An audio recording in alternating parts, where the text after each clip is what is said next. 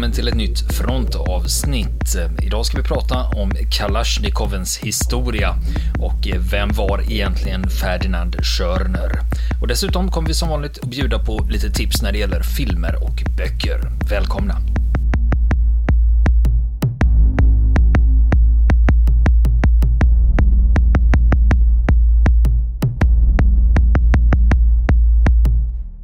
Första vi ska prata om, det är ett av de mest kända automatvapnen i världen, om inte det mest kända. Det, ni känner ju... kan man nog säga.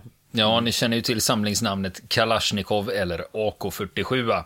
Nu har det blivit så här att eh, allting inom den här familjen av automatkarbiner kallas eh, som bekant Kalashnikov, och så använder man det som ett samlingsnamn. Ja. Eller så använder man sig av begreppet AK47, även om det är direkt felaktigt, som många av er som lyssnar vet.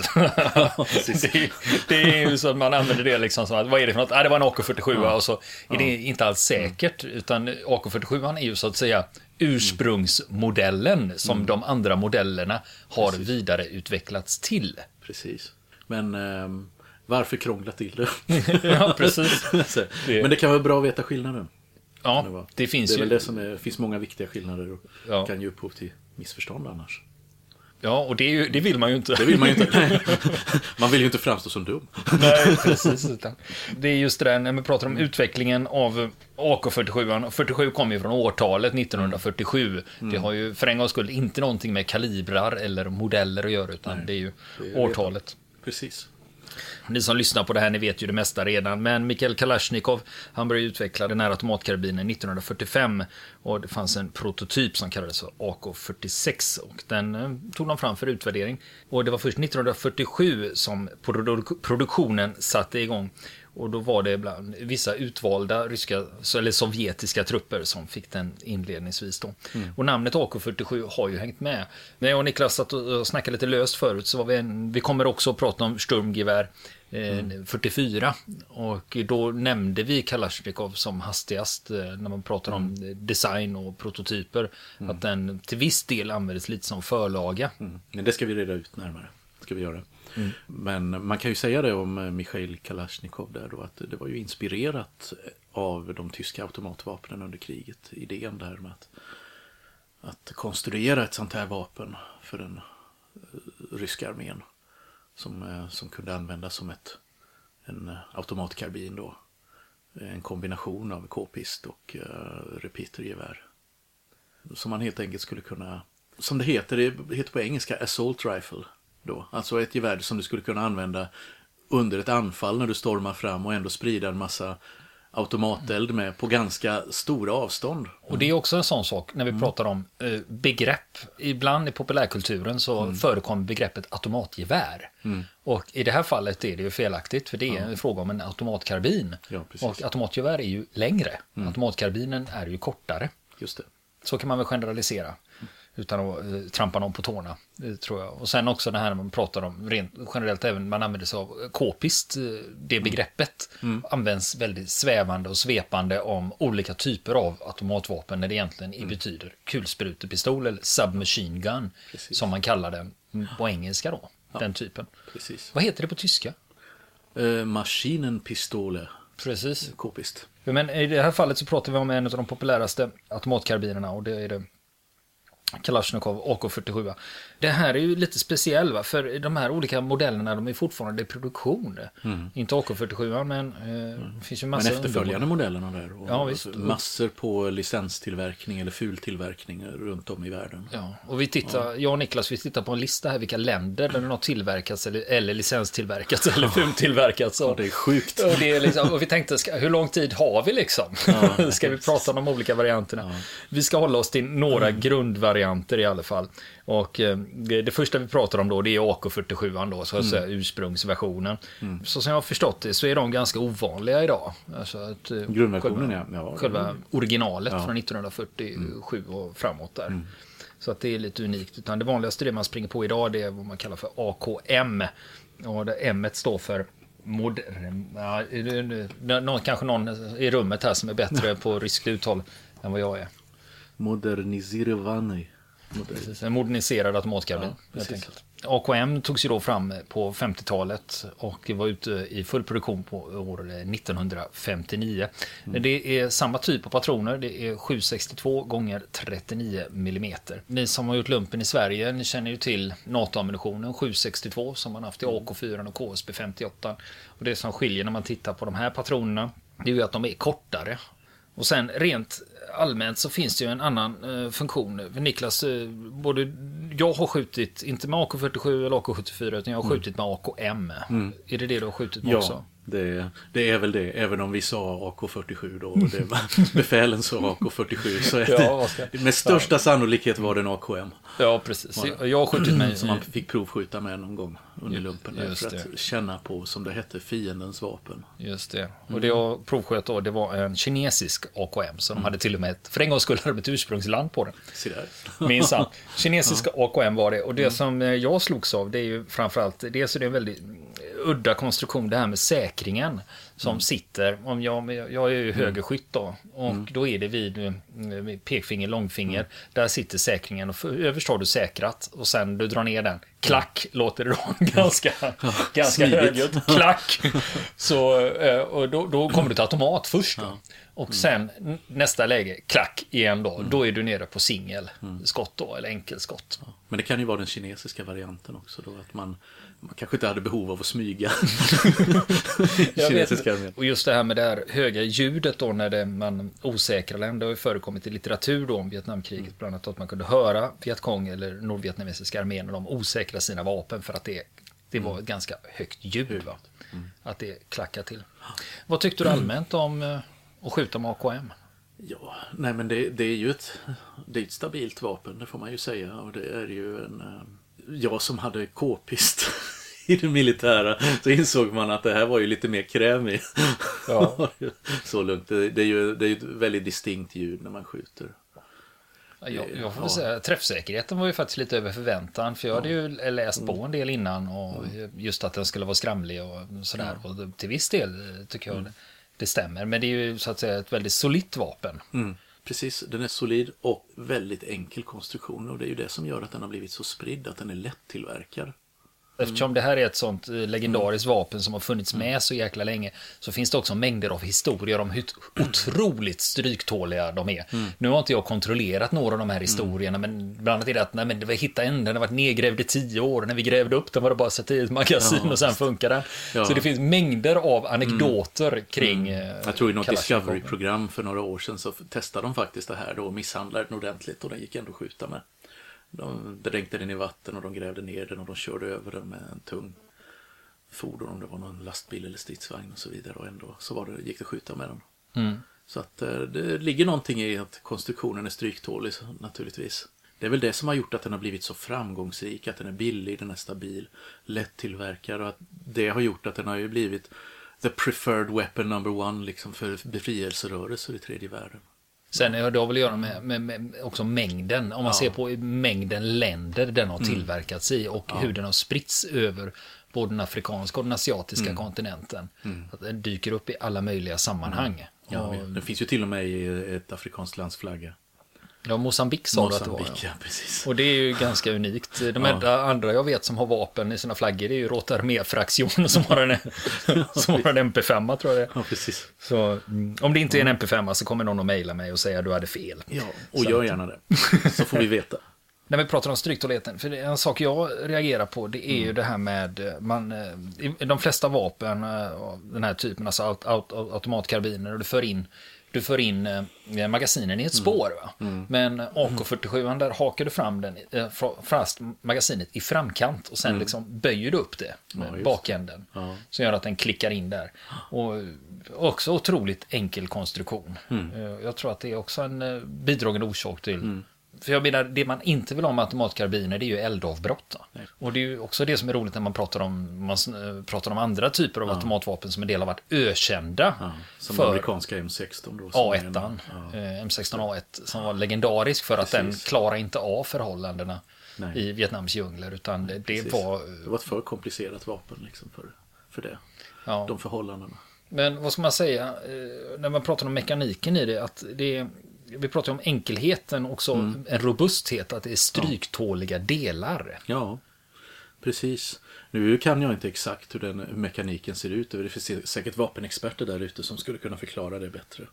Och det som vi kommer ta upp senare då också i ett annat program har den ju inte många likheter under huven så att säga med den tyska stormgeväret som, eh, som många tror är den direkta förlagan till, till eh, AK. Den här är ju en mycket enkel historia. Är det så sett och eh, lätt, att- lätt att sköta. Och eh, nu låter det som vi håller på att sälja in den här. Då vill ni beställa den så. Precis. Men som sagt, det, det, det är ju detta som gjort att den har eh, uppnått den här legendariska statusen. Både kalla kriget och hotet från öst som man såg och det här att den dök upp över hela världen. Och blev liksom en synonym för både kommunistiska hotet och även för befrielserörelser överallt som försökte eh, göra sig fria från diktat diktatorer och kolonialländer och så vidare. Men en nackdel med den är väl möjligen magasinets placering. Och att det är ett ganska stort magasin och att det sitter under. Mm. Och där finns det ju olika varianter, för vi pratar om, vi hade ju kommit fram till, eh, även om vi skulle prata om de olika varianterna, så har vi inte kommit längre än 1959 och AKM då, Nej, den moderniserade eh, versionen då, och det är ju den som är eh, spridd på väldigt många håll här i världen. Vi ska ta ett annat steg också, det är skillnad, och då pratar vi om AK74. Eftersom vi tidigare kunde konstatera att det hade med årtal att göra så är det även år 1974 där man gick vidare från AKM-designen och man bytte kaliber. Förut hade man ju 762 gånger 39 nu bytte man till 545 gånger 39 istället. Och det här är ju också en eh, trend som man såg i NATO, att man gick från 762 till 556 Just det. på NATO-vapnen och eh, i Sovjetunionen och Warszawapakten så klev man över till 545 istället. Och då undrar man varför byter man till en mindre kaliber? Och det är ju helt enkelt så att de väger ju faktiskt mindre. Mm. Ja. De är ju inte lika stora. Och rent generellt kan man säga så här att man har också en högre utgångshastighet. Det ju att du får bibehållen anslagsenergi fast du har en lägre kaliber. Mm. Precis. Instämmer du med min analys jajamän, där? Jajamän, alltså det är, det är ju så att soldaterna kan helt enkelt bära med sig fler patroner eller inte tyngas så mycket av utan att det blir tyngre så att säga. Frontsoldaterna är ofta redan tungt lastade som det är av olika typer av utrustning och sånt. Och det här är ju en enorm fördel att ammunitionen som är då väldigt tung Mm. Ytterligare en förändring. reducerar vikten. Ja. Just det, ytterligare en förändring där på AK74 det är att magasinerna är, blev av plast. Och det gör ju att de, framförallt är just att de väger mindre. Va? När man tittar på gamla AKM då, så där magasinet är ganska långt och böjt så ser man, kan man se en skillnad på AK74 att magasinet är lite rakare, det har inte lika kraftig böj och sen är magasinet lite kortare då. Så det är ett sånt eh, lätt sätt att se skillnad på dem. Men som sagt, allting vi berättar om här det är ju ändå med reservation för alla möjliga olika modeller som är tillverkade i massa olika länder. ja, visst. Så att det Hur mycket som helst. hur mycket som helst, så att vi kör liksom grunderna bara. Ja. Kan ju tänka dig att vara vapensamlare och samla på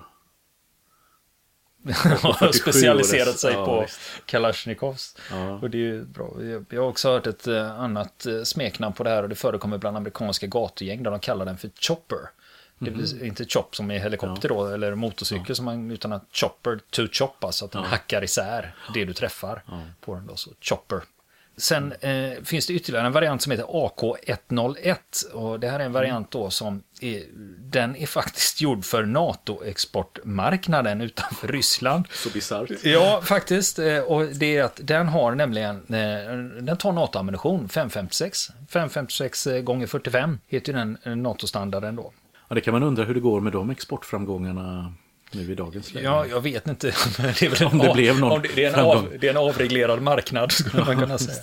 Men det kanske finns någon lyssnare som eh, vet lite mer om just den här ex- exportversionen och, och vad som har hänt med den.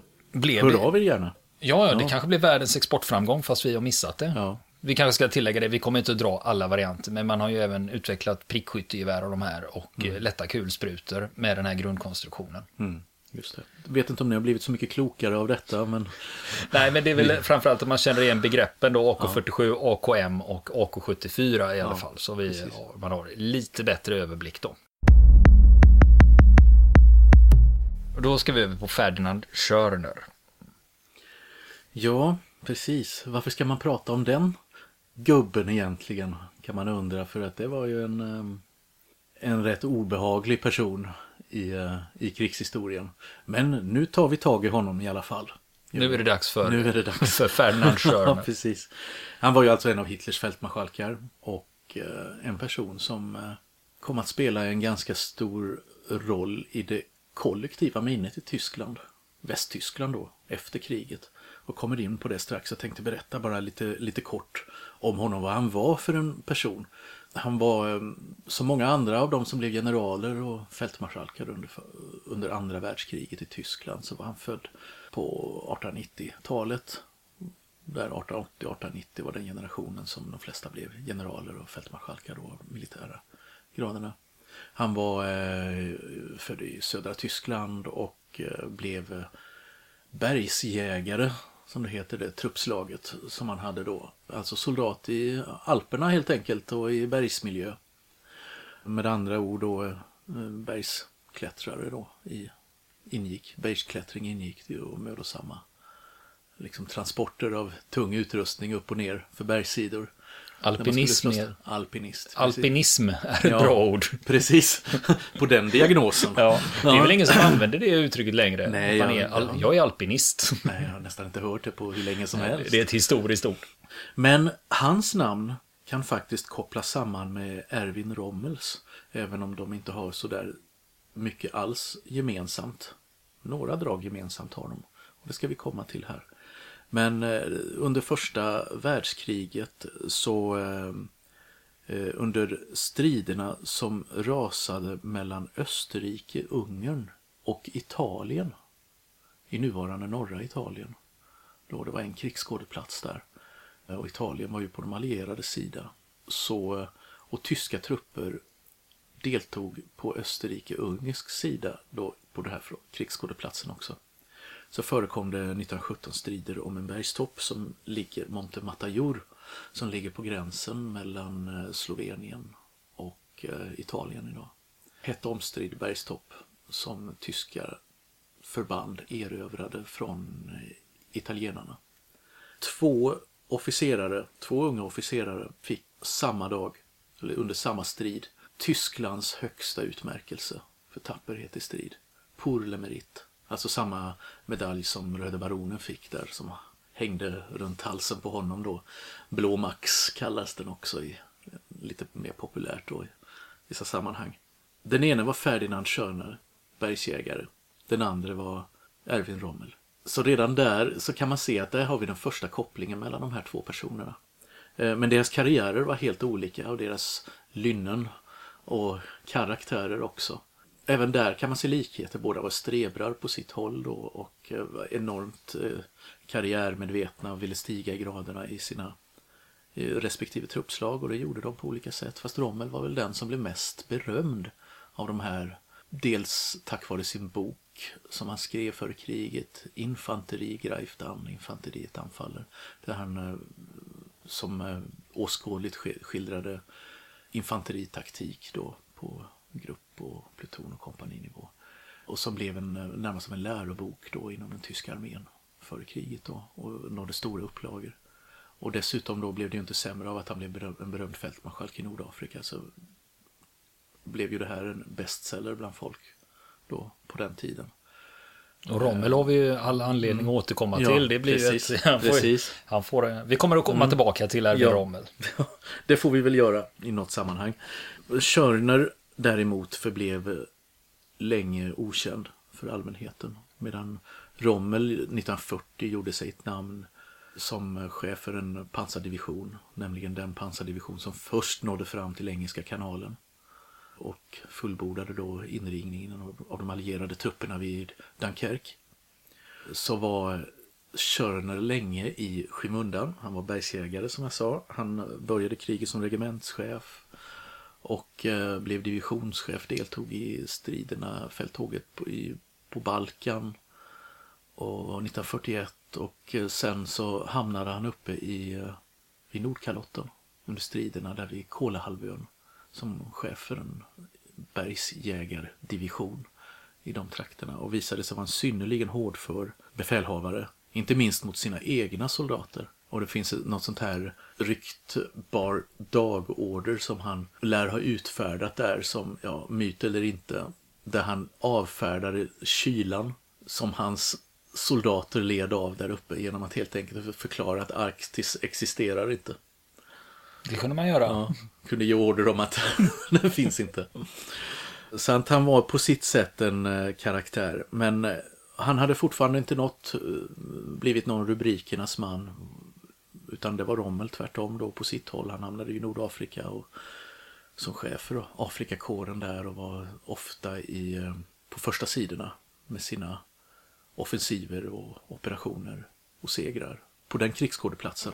Så att han blev ju en älskling inom propagandan. Men man kan säga att det var väl egentligen när Rommels stjärna började dala, alltså på något sätt, när eh, Afrikafälttåget är slut och han hamnar i Frankrike, förmodligen ganska trött och utbränd och lite desillusionerad.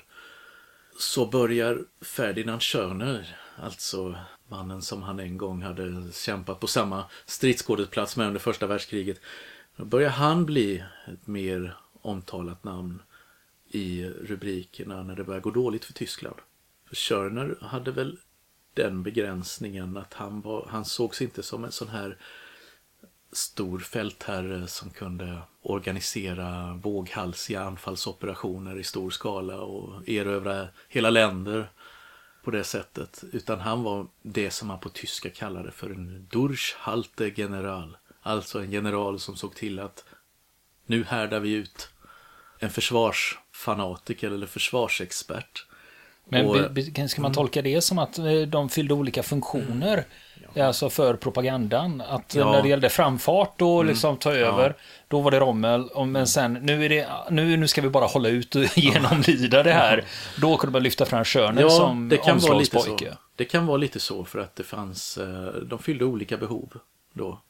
Så att det, det, kan spela in och Rommel försvann ju ur bilden. Han blev sårad i Normandie och tvingades begå självmord hösten 44 efter att ha blivit, det avslöjats att han varit del av nej, sammansvärjningen mot Hitler inför attentatet 20 juli 44. Och ack så liten inblandning men ändå. Och Körner däremot, han blev 1944 chef för en armégrupp på östfronten. Han stigit snabbt i graderna där då en armégrupp, ja då snackar vi kanske en halv miljon man mellan tummen och pekfingret på södra delen av östfronten och han skickades runt som en brandkårssoldat till olika hotade frontavsnitt då på östfronten för att, där försvaret höll på att kollapsa dit skickade man Ferdinand Schörner för att eh, han var en av dessa då tillsammans med till exempel en annan fältmarskalk som heter Walter Model. Var det det att de var synnerligen mm. lämpade för den typen ja, av uppdrag eller var det något de var tilldelade? Ja, ja, det var väl en kombination där att de kanske hade fallenhet för att organisera saker. Organisera ett försvar är alltid lättare än att organisera ett anfall. Men framförallt kombinerat med hans totala hänsynslöshet när det gäller hans egna mäns väl och ve. Där eh, han alltså införde en policy hos sina egna trupper att de ska frukta mig mer än de fruktar fienden. För att få dem att gå till motanfall och hålla ställningarna, inte, inte retirera om trycket blev för hårt för att då skulle de veta att de kunde de drabbas av, ska man kalla det, snabbt eh, avskärande av lufttillförseln. Bli hängda i närmaste träd eller arkebuserade för feghet inför fienden. Och så vidare. Och han var ökänd för att, och hans rykte föregick honom alltså när han kom till ett nytt ställe då att eh, nu kommer snart människor att dingla från trädgrenarna i, i snaror. Och det här var en policy som eh, ju, ju sämre kriget gick för Tyskland desto hårdare blev hans regim. Regim då, precis mot, mot de egna soldaterna. Det förekommer naturligtvis en hel del överdrifter om det här också som eh, man, man har sett i tidig historieskrivning då. Man har försökt sätta det här i olika perspektiv men det går inte att förneka att han var en oerhört brutal general som alldeles i slutet av kriget och de allra sista veckorna befordrades till fältmarskalk av Hitler. Och eh, gav Hitler ett personligt löfte så är naturligtvis helt ogrundat att han skulle komma med sina soldater till Berlin och befria, rädda Hitler undan, undan ryssarna. Det blev naturligtvis ingenting med det och han var i krigsslutet i eh, Tjeckoslovakien, då var han med eh, sina trupper när han skulle kapitulera, bli tvungen att kapitulera för ryssarna, så övergav han sina soldater och flydde utklädd i civila kläder för att ta sig till de amerikanska linjerna och lämna sina soldater i sticket helt enkelt. Istället för att, som en kapten på ett sjunkande skepp ungefär, följa med där, utan eh, han ville rädda sitt eget skinn. Ja, och medan hans män då följer ryssarnas Mm. händer. Precis, och hamnade i, då till största del då i, i Sibirien och fångläger under hårda umbäranden då. Han trodde han hade klarat sig, men eh, hans amerikanska fångvaktare utlämnade honom till ryssarna efter en kort tid, 1945. Och han hamnade i ett fångläger också, där han fick sitta i tio år. Men när det gällde hans rykte så var skadan redan skedd.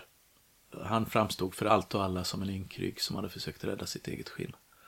Det där lyckades han aldrig tvätta bort ifrån sitt rykte så att säga. När han utlämnades så hade han fortfarande på sig sina lederhosen som han hade, som han hade haft då när han försökte utge sig för att vara civil då. Han hade slängt av sig generals eller fältmarskalksuniformen där. Han kom tillbaka till eh, Västtyskland ur fångenskapen och det här blev stora rubriker då. För att det fanns många som hyste agg mot honom, tidigare soldater och underordnade. Som hade fått utstå både det ena och det andra och sett kamrater hängas eller avrättas. Så att det blev en rättegång mot honom I Tyskland. i Tyskland då. Och eh, han dömdes till några års fängelse där efter en oerhört uppmärksammad rättegång. Men eh, benådades ganska snart av den västtyske presidenten och fick delvis tillbaka sina pensionsrättigheter som det hette. Det var ett sätt att straffa nazistiska krigsförbrytare att de fick ingen pension. Hade du varit SS-general så skulle du inte kunna få någon eh, pension baserad på din generalslön till exempel. Och likadant ville man göra med Schörner då, att han, han skulle inte få någon pension då eftersom han blev dömd för krigsförbrytelser. Krigsförbrytelser mot sina egna trupper. Så han återfick och kunde ändå leva ganska gott i München under de sista åren av sitt liv tills han avled i början av 70-talet. Han var dryga 80 år gammal. Men eh, han har ju blivit en symbol för allt det liksom fyrkantiga, ska man säga brutala och eh, okänsliga hos en eh, militär ledare så att säga. Att det, är ingen som vill bli som Ferdinand Schörner då, en ja, på re, som det heter på ren svenska, en röv, rövslickare som fjäskar inför Hitler och som tror på en brottslig ideologi och sen trampar vilt neråt då mot sina egna soldater och så vidare. Så att han framstår nästan på ett sätt som en karikatyr av sig själv. Han hade, man ska tillägga också för balansens skull att han hade många försvarare under eh, efterkrigstiden där då personer som i alla fall delvis ville ursäkta honom och mena ja men han fick ju alltid svåra uppdrag exempelvis hamnade på besvärliga frontavsnitt vilket gjorde att då fick man vidta extra hårda åtgärder för att till exempel stabilisera fronten igen och stoppa en eh, vild flykt eller en reträtt. Och visst, det kan ligga en del sanning i det också, men det förtar honom inte från ansvaret för att ha avrättat soldater som, på ett sätt som inte hade någon förankring i ens den tidens rättsskipning. Men om man ska jämföra honom med andra tyska generaler och fältmarskalker, var han, st- stod han ut då? Nej. Alltså mil militärt sett så tillhörde han ju inte de här begåvningarna på det sättet, utan han var väl snarare en ganska eh, genomsnittlig fantasilös representant då för kasten då i Tyskland. Så att, det kan man inte säga, utan det är ju andra saker, det är ju den här brutaliteten och den blinda lydnaden som han har blivit känd för. Och som har gjort att han har hamnat i historieböckerna. Hade inte de elementen funnits med i hans livshistoria så hade han nog varit väldigt bortglömd idag. Då hade han varit en i mängden.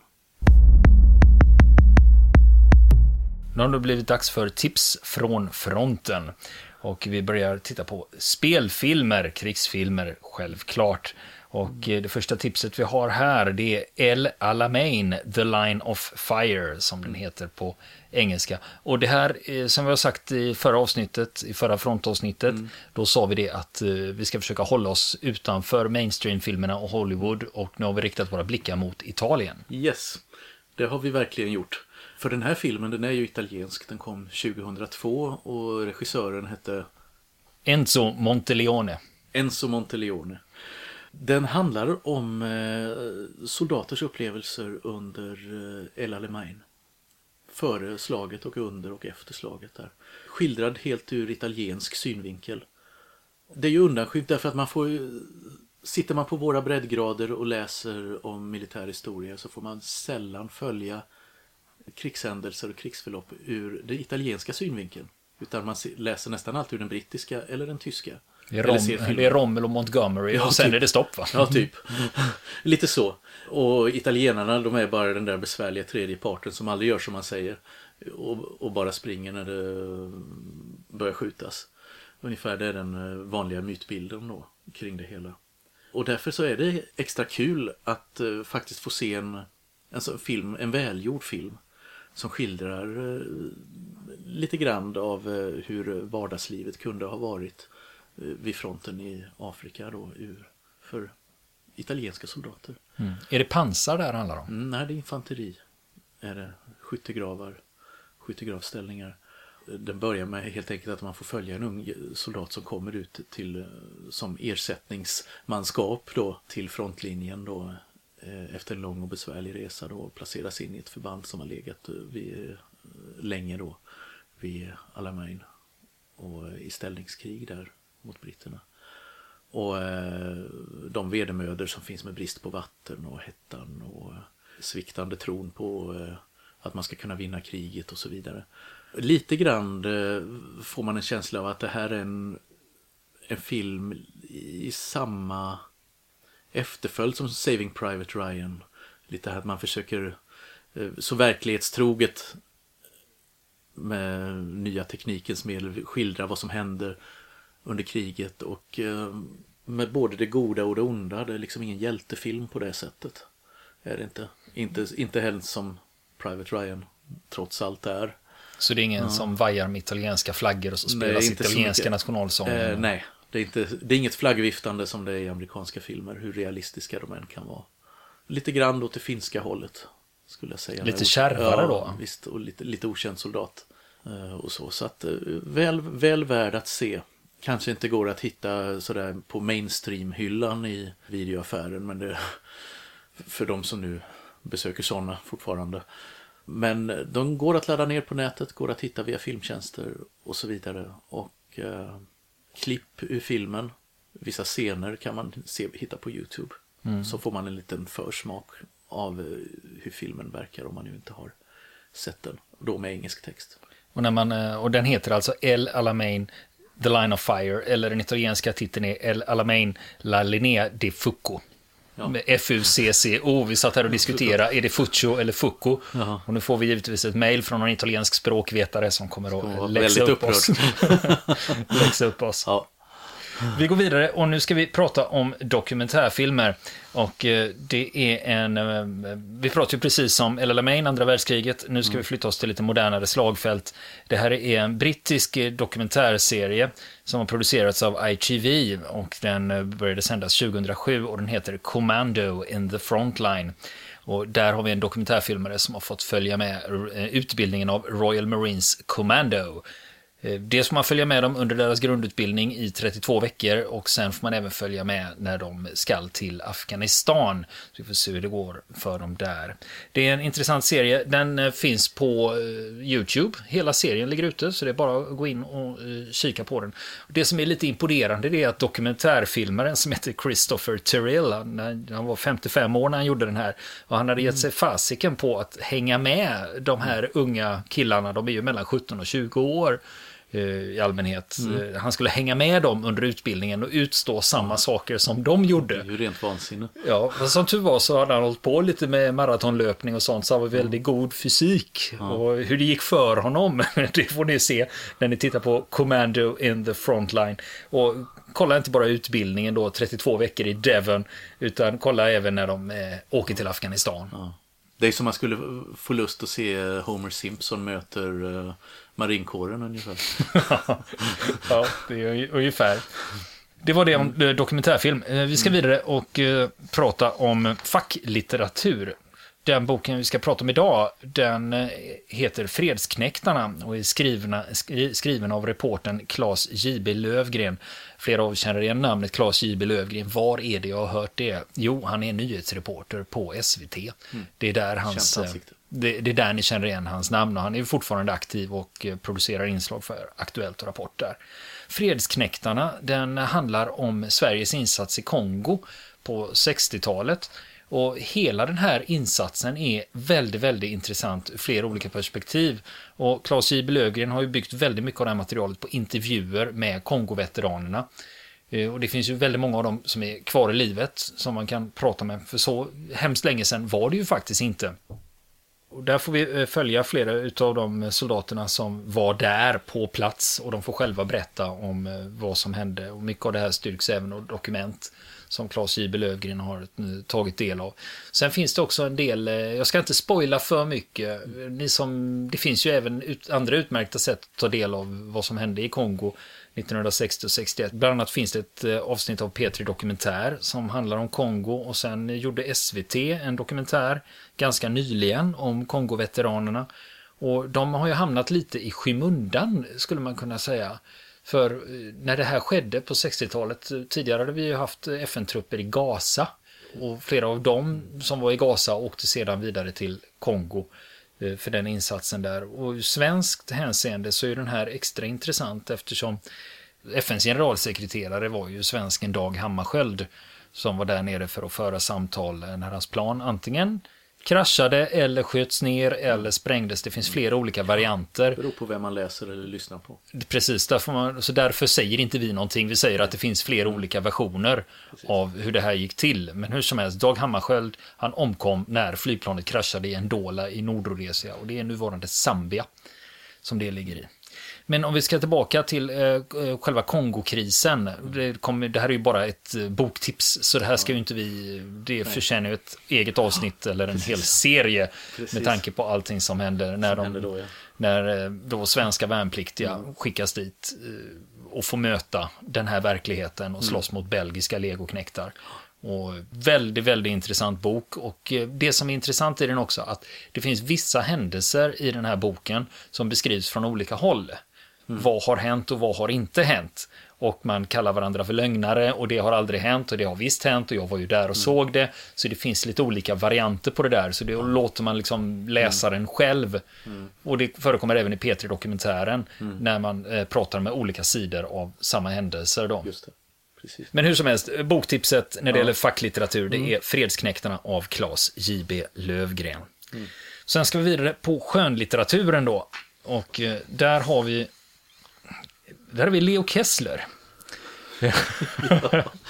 och, eh, och Niklas, ja. du börjar skratta direkt. Jag bara nämnde Leo Kessler. Ja, det väcker ju minnen. Ja. Det, det, det var ju oerhört länge sedan man läste det, men ja. visst. Ja, ja, Vi, kan väl säga, vi kan summera det så här att det, det fanns en serie pocketböcker som, som heter Victory-serien. Och i den så fanns det bland annat en författare då, Leo mm. Kessler, som skrev om SS stormdivision Våtan mm. med befälhavaren Kuno von Dodenburg. Den första boken i den serien heter Det svarta gardet på svenska. Och man mm. kan fortfarande springa på de här Victory-böckerna på marknader, antikvariat och Ja, loppisar, loppisar ser jag sånt ibland. Själv har jag ägt en stor del av den här serien ska jag säga. Jag ja. läste den med behållning när jag var 12-13 ja. år. För det är lite äventyrspojkbok över det skulle man kunna säga. Det kan man säga. Och man kan väl säger så här, den här sorterar ju stenhårt under skönlitteratur. Ja. kan vi ju säga. Ja, precis. Och, eh, det beror nämligen på att Leo Kessler, eh, det är, det är alltså en pseudonym ja. för en eh, författare som heter Charles Whiting. Ja. Och Niklas man, kan ju berätta lite om ja, Charles Whiting. Blir man lite full i skratt av, för Charles Whiting var en väldigt produktiv militärhistorisk författare från USA. Och som under en massa olika pseudonymer gav ut böcker, för det räckte tydligen inte med, med, med um, hans eget namn då så att säga. En spännande figur som vi ska faktiskt ta upp som en egen punkt en gång. Ska vi göra för att det finns mycket att berätta om honom. Gör det. Och eh, om hans böcker som man både kan rekommendera i vissa fall och eh, även varna lite för. Det låter väldigt spännande. Det ska bli intressant. Vi kommer att, göra en, vi kommer att ta upp Charles Whiting mm. så småningom. Men om vi ska tillbaka till hans författarpseudonym Leo Kessler ja. och hans berättelser om ja, SS Storm Division Våtan. Som ja. Eh, var ett väldigt mustigt pers persongalleri ja, som kanske inte stod Sven Hassel långt efter. Nej, det, man undrar om han har blivit inspirerad av Sven Hassel egentligen. För Hassel var ju först på plan. Mm. Egentligen. Så att eh, det, det, kan nog vara så faktiskt. Det kanske någon vet där ute hur, hur, det ligger till. Hör av er i så fall så, kan vi, eh, så får vi detta utrett. Ja, vi, vi, kommer framförallt, vi kommer att prata om Sven Hassel, så ni behöver inte mejla oss om det. Utan eh, Sven Hassel, vi kommer att komma tillbaka till honom. Vi, vi lovar. Kan, vi lovar. vi kan lugna ner er. Men eh, det som kännetecknar den här serien då, eh, som är skriven av pseudonymen Leo Kessler, det är väldigt mustig humor och eh, intressant persongalleri. Ja, precis. Väldigt frejdigt i många stycken. Ja, jag vet inte hur man ska, ska säga om politiskt korrekt. Nja, Kanske inte Nej, så. inte heller. Och sen, sen det är lustiga här att eh, när man läser den här serien då, mm. då visar det sig att SS Storm Division Våtan har varit avgörande i alla, i, ja, i alla slag under hela andra världskriget. Ja, så praktiskt. Ja, så praktiskt. De var, det, det, var precis som vi var inne på förut då när man pratade om fyrens egna brandkår. Ja, eh, precis. de fick åka runt. Jajamän. Och varit, varit på alla fronter under hela andra världskriget. En, en, liten, eh, en litet stickspår ändå kan man nämna för de som inte vet vad Våtan är för någonting. Det är orden på tyska. Ja, det är orden på tyska. Precis, helt, fullt, helt rätt. Blir du imponerad? Ja, jag blev helt... Jajamän, det blir kors i taket här. Ja, ja har, man, har man läst sin Leo Kessler så... Ja,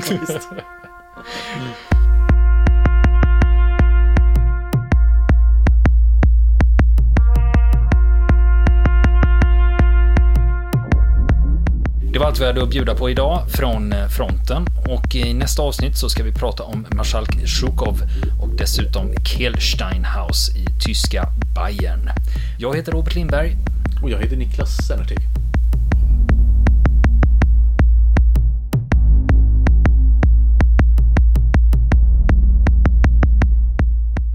Vill ni komma i kontakt med oss så kan ni göra det via vår Facebook-sida som heter Fronten. Det är inga problem för er att leta er fram där.